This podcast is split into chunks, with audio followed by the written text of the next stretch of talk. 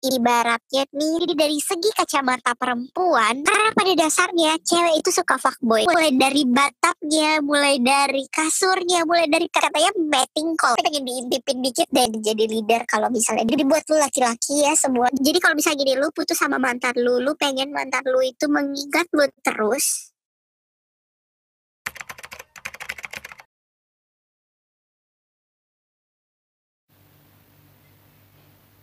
Apa konco ndelok ndukur apa bangsat? lagi ngebayangin Ki Ngebayangin. Heeh.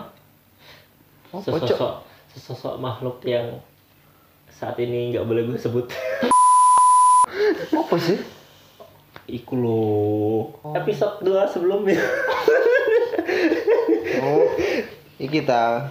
Kok narasumber kita kita? iya Caur bro.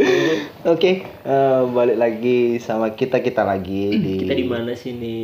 di ruangan yang penuh imajinasi, yuk mari kak. Ya kan? Lampunya biru abang ini cuk, cuk kayak tiga dimensi ya, orang kayak kacamata cuk. Enggak nek nonton ini. Tema kali ini itu adalah ternyata mantan masih enak ya. Si enak lah Karo cuk gak tahu aku bangsat tak kok aku. Si enak tuh Cuk. ada yang mau share story Mungkin narasumber aja lah yang ngomong lah ya. Sam- lebih aman kali ya sampean di si Pinara Aku tan. ada pakas lagi Kecuk mantanku cuk. Sing di. Sing, iku lo yang kamu di depan habis itu di belakang Jess gitu loh Jancuk pas SMA gue yo. Iya Bangsat. Seiling lah iki lho. Bangsat. Enak mantap. Kan zaman SMA cuk, arek Iya. sik lugu aku gak ngerti apa-apa. Kalau sampean menang ayo yang itu loh rek. gimana sih Ah, banyak tapi lucu ya tema kali ini ya. Wah. No comment. Ya, kalau lucu sih lucu banget lucu kan ya kan? Kemarin udah menarik. Menarik. Udah unik. Oke. Sekarang lucu. beragam gitu tema kita ya Iya dong harus. Weh, Kan kita kayak anak-anak sekolah itu dong. Yang kali ini Maaf. Kurang ya, kurang ya, kurang ya, kurang ya, kurang ya, kurang ya. Udah nggak apa-apa.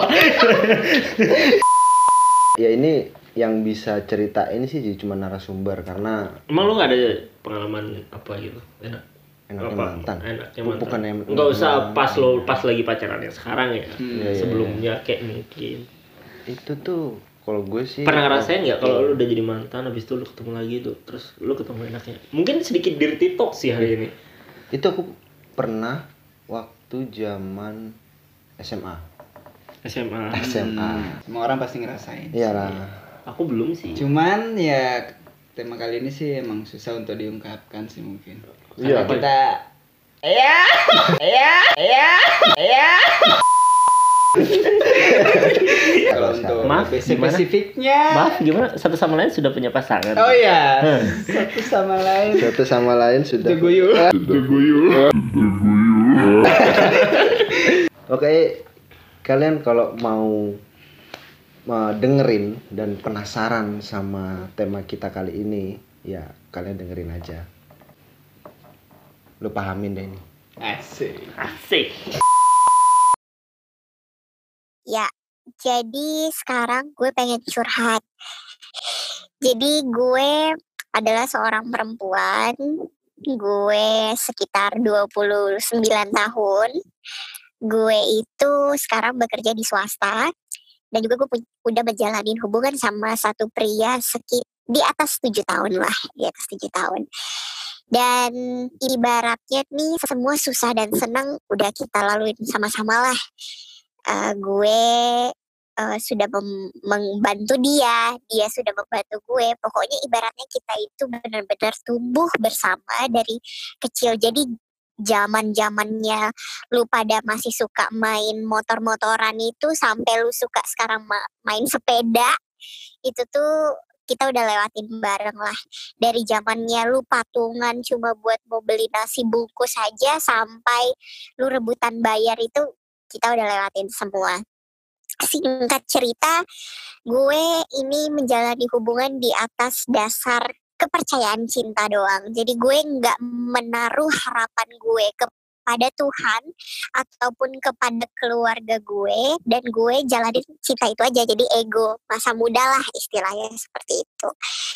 Jadi gue menjalani hubungan.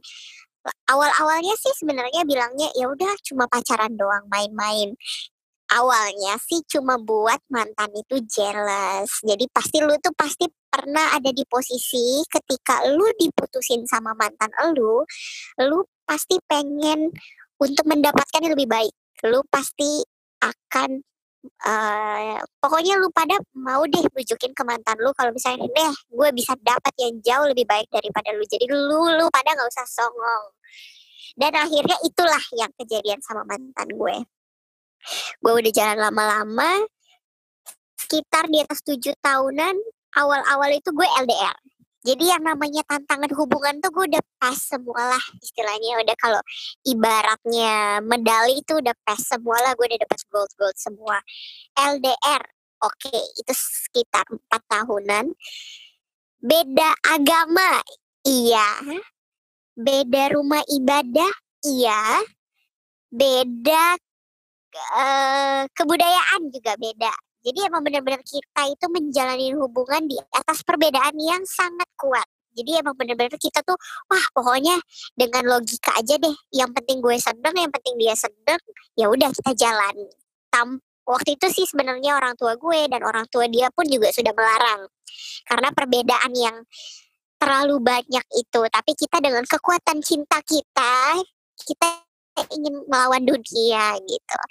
Dan sampai pada akhirnya um, kita ada di hubungan ke tahun ya mau hampir ke tahun 8 lah istilahnya. Tahun ke-8 kita berdua itu memutuskan untuk ingin menikah sebenarnya.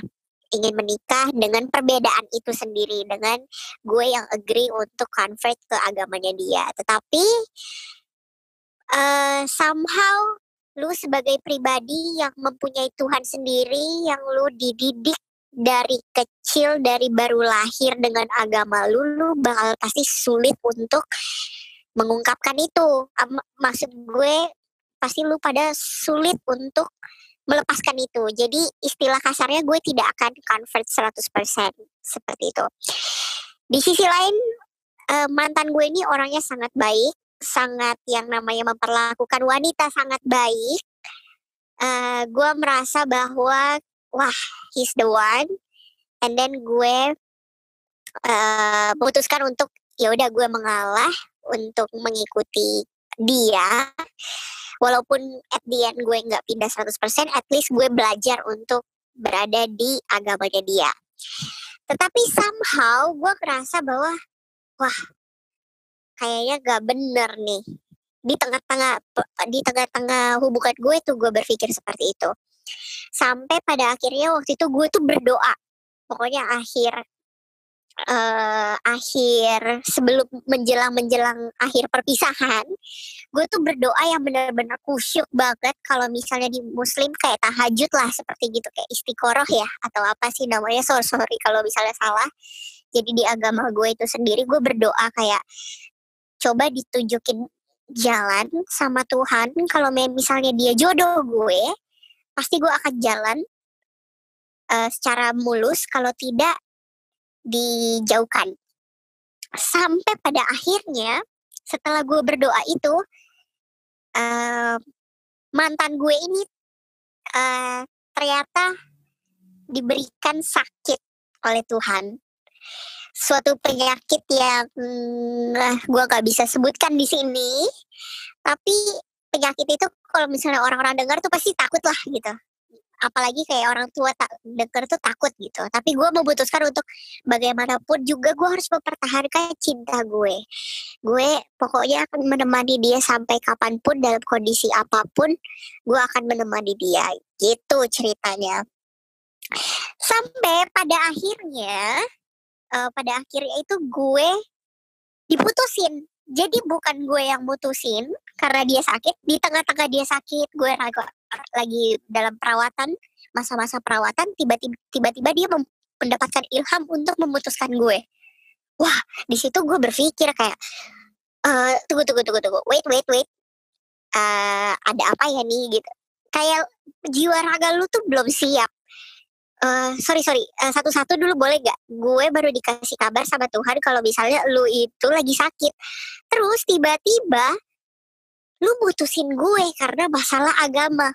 Wait wait wait. Coba coba gue berpikir dengan logika. Coba gue atur baik-baik kepala gue kenapa itu bisa terjadi gitu.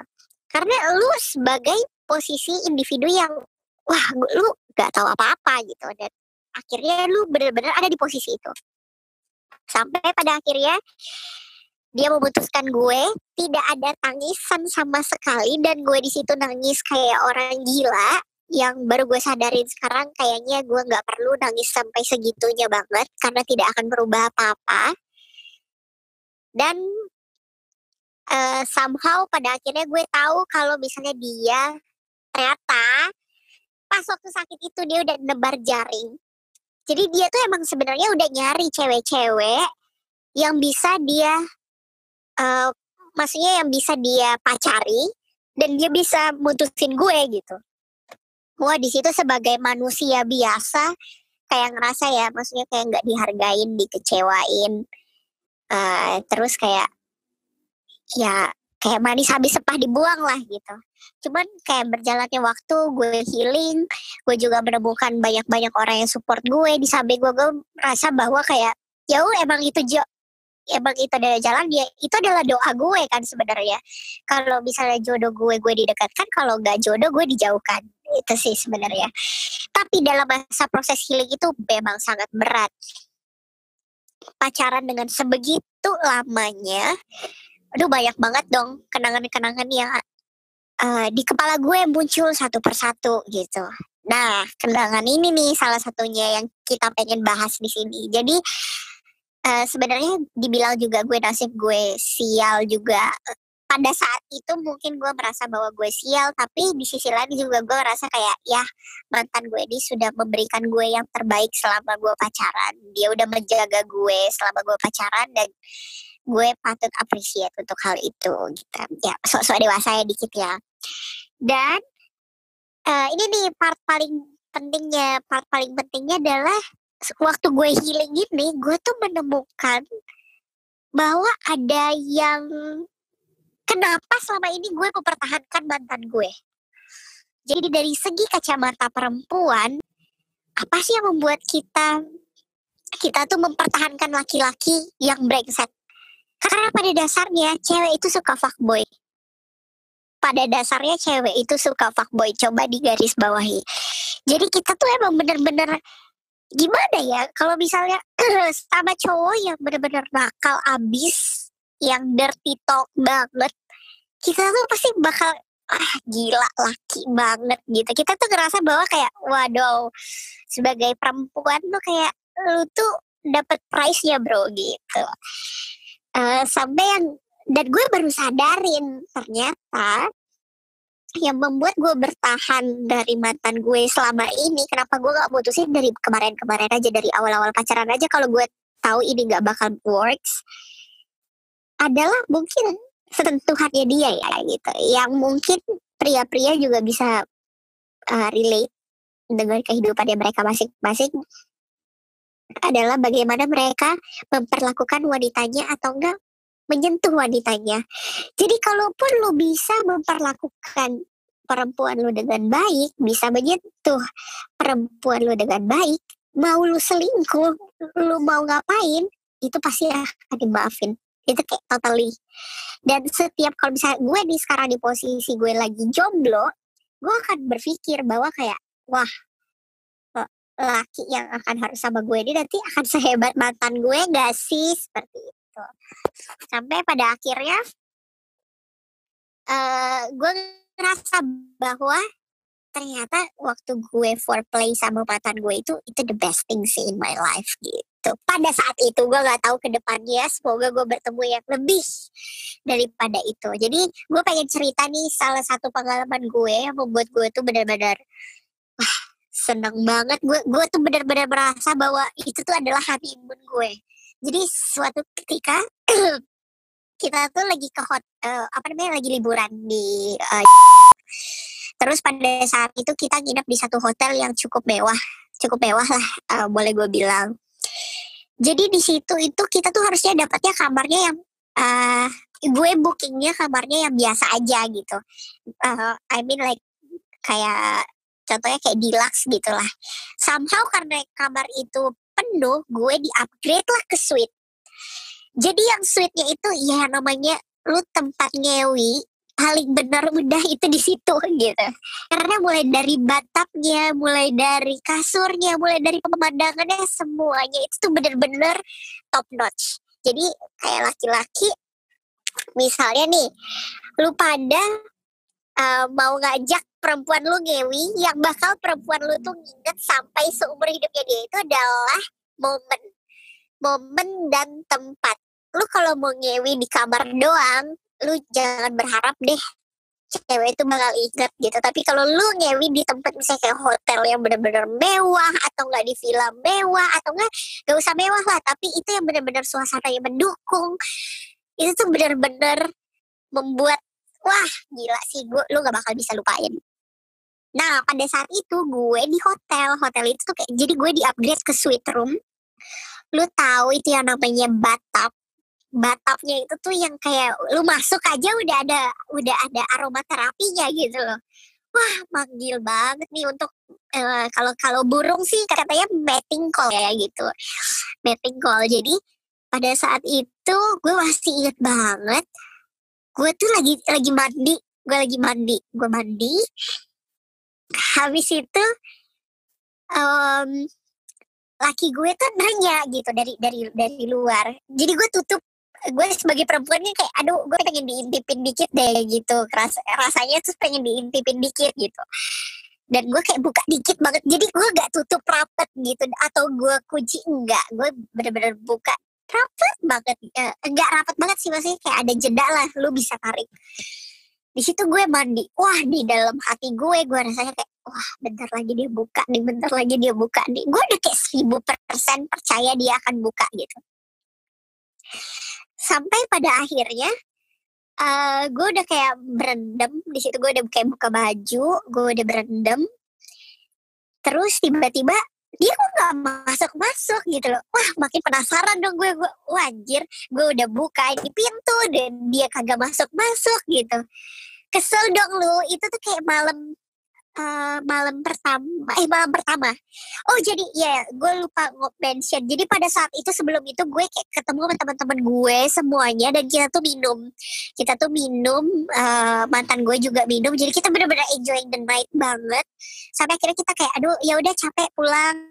Dan kita di hotel ya itu dan gue mandi itu. Setelah gue mandi gue ngerasa kok kok di eh, mantan gue kok nggak manggil manggil ya? Gitu. Atau kan dia nggak masuk gitu wah itu di situ gue ra- rasanya udah nafsu gue udah pada udah tinggi. Dan di situ dia bener-bener nggak ada respon apa pun gitu.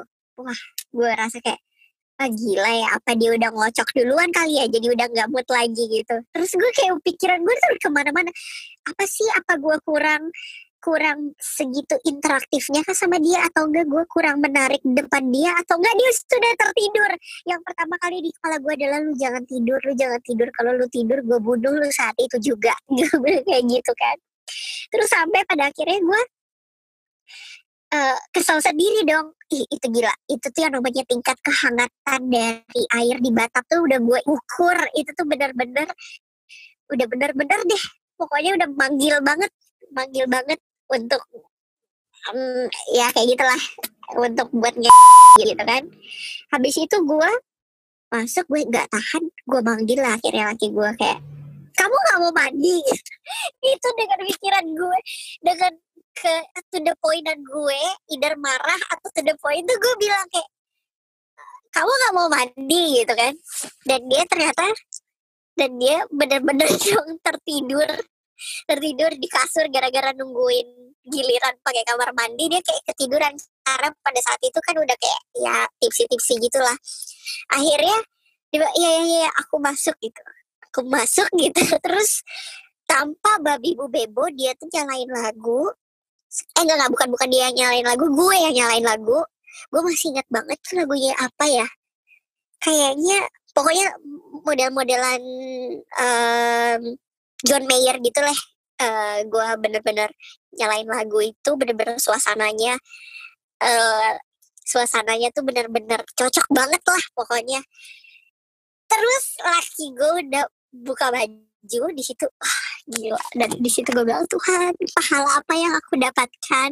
Atau pahala apa yang aku lakukan di dunia ini sampai kau memberikan aku laki-laki dengan tubuh sebagus ini? Gitu kepikiran gue wow oke dia masuk. Dia masuk. Terus dia masuk ke dalam batap itu juga masuk di dalam batap. Terus gue kayak aduh dia diem aja nih. Terus dia kayak mandi-mandi gitu terus dia kayak gosok-gosok gitu terus saking gue kayak dulu apa ya laki ini gitu. Akhirnya gue duluan yang nyosor duluan gitu. Kayak gue yang kayak eh apa namanya nyosor duluan. Dan pada saat itu outnya adalah dia yang ngelit gitu. Jadi kayak dia tuh emang mancing gue untuk gue tuh agresif dulu baru dia taking control gitu. Sampai di batap nih wah habis sih gue depan belakang kiri kanan atas bawah. Jadi pada saat itu gue ngerasain bahwa dia benar-benar servisnya the best. Jadi like literally benar-benar sangat romantis.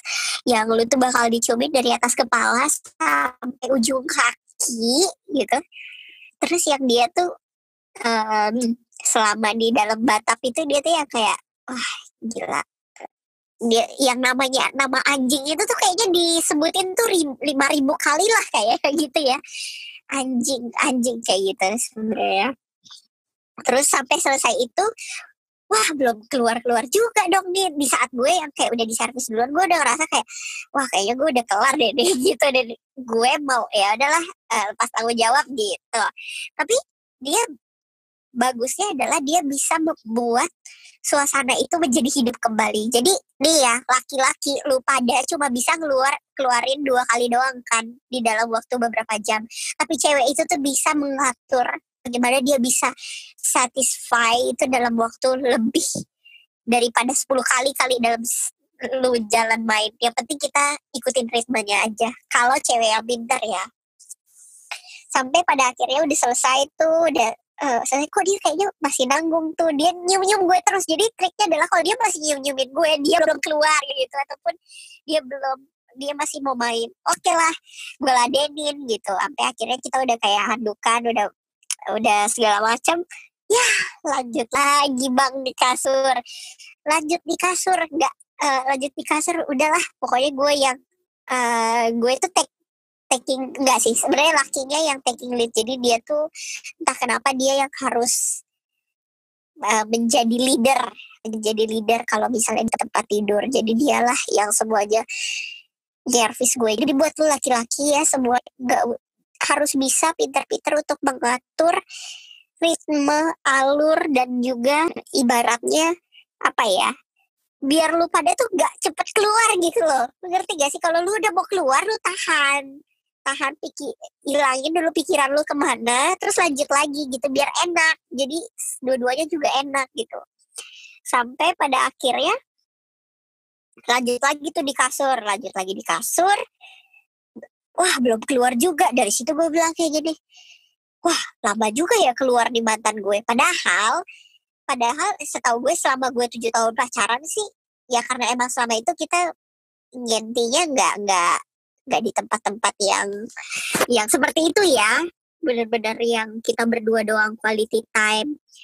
Eh, jadi kita itu lu tahu nggak sih kalau misalnya di hotel mewah tuh ya kalau lu pada pernah tinggal di hotel mewah. Di situ ada kayak sofanya.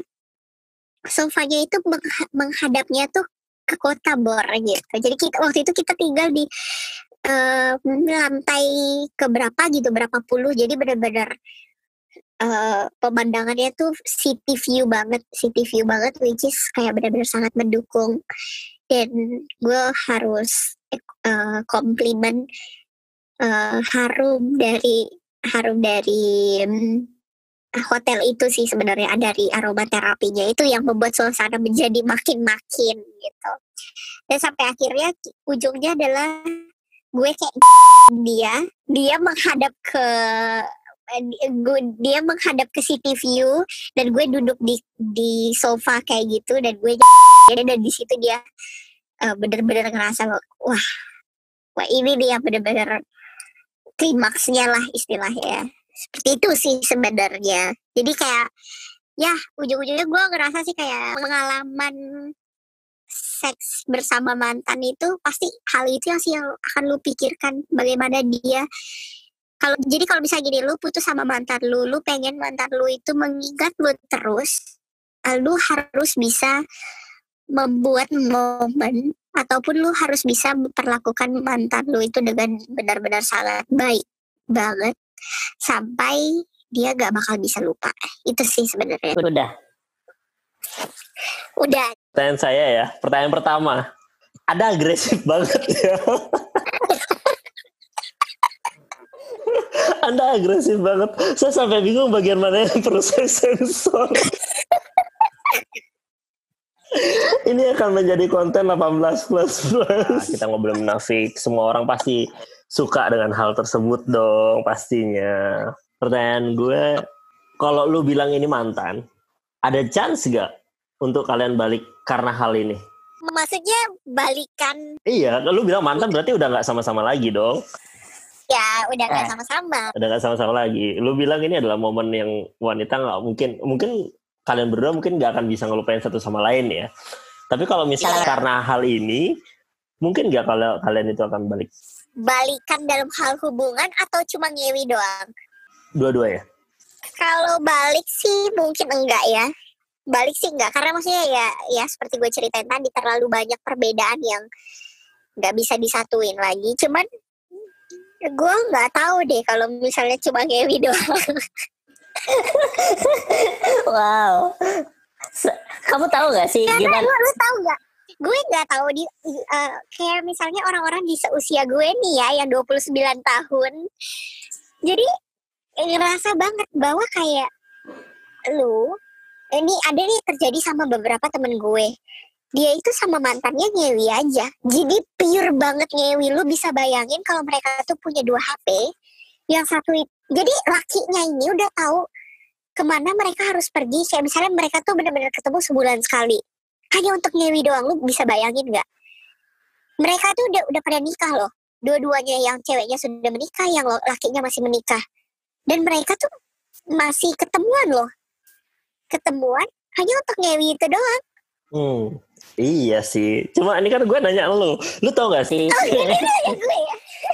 gua, lu tau gak sih? Gue tuh ya dengerin podcast lu cerita anjir. Gue tuh sampai uh bangsa tuh anjir. Mind blown gue. iya, enggak ini pertanyaan gue kalau misalnya misalnya untuk kalau misalnya balikan kan udah pasti enggak. Tapi kalau untuk ngewi doang enggak janji Gak janji tapi ada chance untuk iya. Nggak janji, pokoknya ya gue berdoa semoga yang nextnya akan jauh lebih heboh daripada ini gitu. Hmm, Oke, okay. kalau boleh tahu putus udah lama atau masih baru sih? Udah lama sih kak, udah kayaknya satu setengah tahun yang lalu ya. Oh satu setengah tahun yang lalu. Dari satu setengah tahun yang lalu sampai sekarang, berarti belum ada yang lebih hebat daripada dia? Belum kak. belum ada ya. Wadaw. jadi jadi emang sebenarnya jadi perempuan tuh harus mengetahui jenis-jenis harusnya banyak ya gitu ya di, di umur 29 ini tapi eh, kebetulan saya karena terlalu lama dalam satu hubungan jadi taunya cuma ya beberapa jenis aja sih sebenarnya di saat teman-teman saya yang lain udah mungkin cobain 10 kali pak gitu loh rasanya oh jadi, iya, begitu Jadi gue ini yang baru tahu ternyata ada yang lurus, ada yang bengkok. Bangsat. Tapi menarik sih, maksud gue, maksud gue jarang, uh, gue appreciate banget kalau ada wanita yang mau jujur ya. Soalnya kebanyakan pod podcast gue ya uh, wanita-wanita pada nggak mau jujur soal hal beginian ya. Dia tuh lebih mau dia mau dia mau dianggap tuh sebagai orang yang malu-malu tidak ingin terlihat ya image yang dijaga tapi gue appreciate banget loh untuk lo bercerita seagresif dan se sevulgar ini. Iya kan ya ini oh, buat ini aja. Kan hal yang baik bukan hal yang buruk juga bener. kan? Bener ini hal yang baik. Hal yang baik gitu. Jadi kayak lo jujur. eh, ce- Iya, Oh. Ya, jujur tentang ya kan udah lama juga, udah udah lupa juga kan sama sama tahu sama minta mantan. diingetin kan oh rasanya Oke. seperti apa gitu kan. oke terima kasih ya kakak Iya, untuk sharing-sharingnya.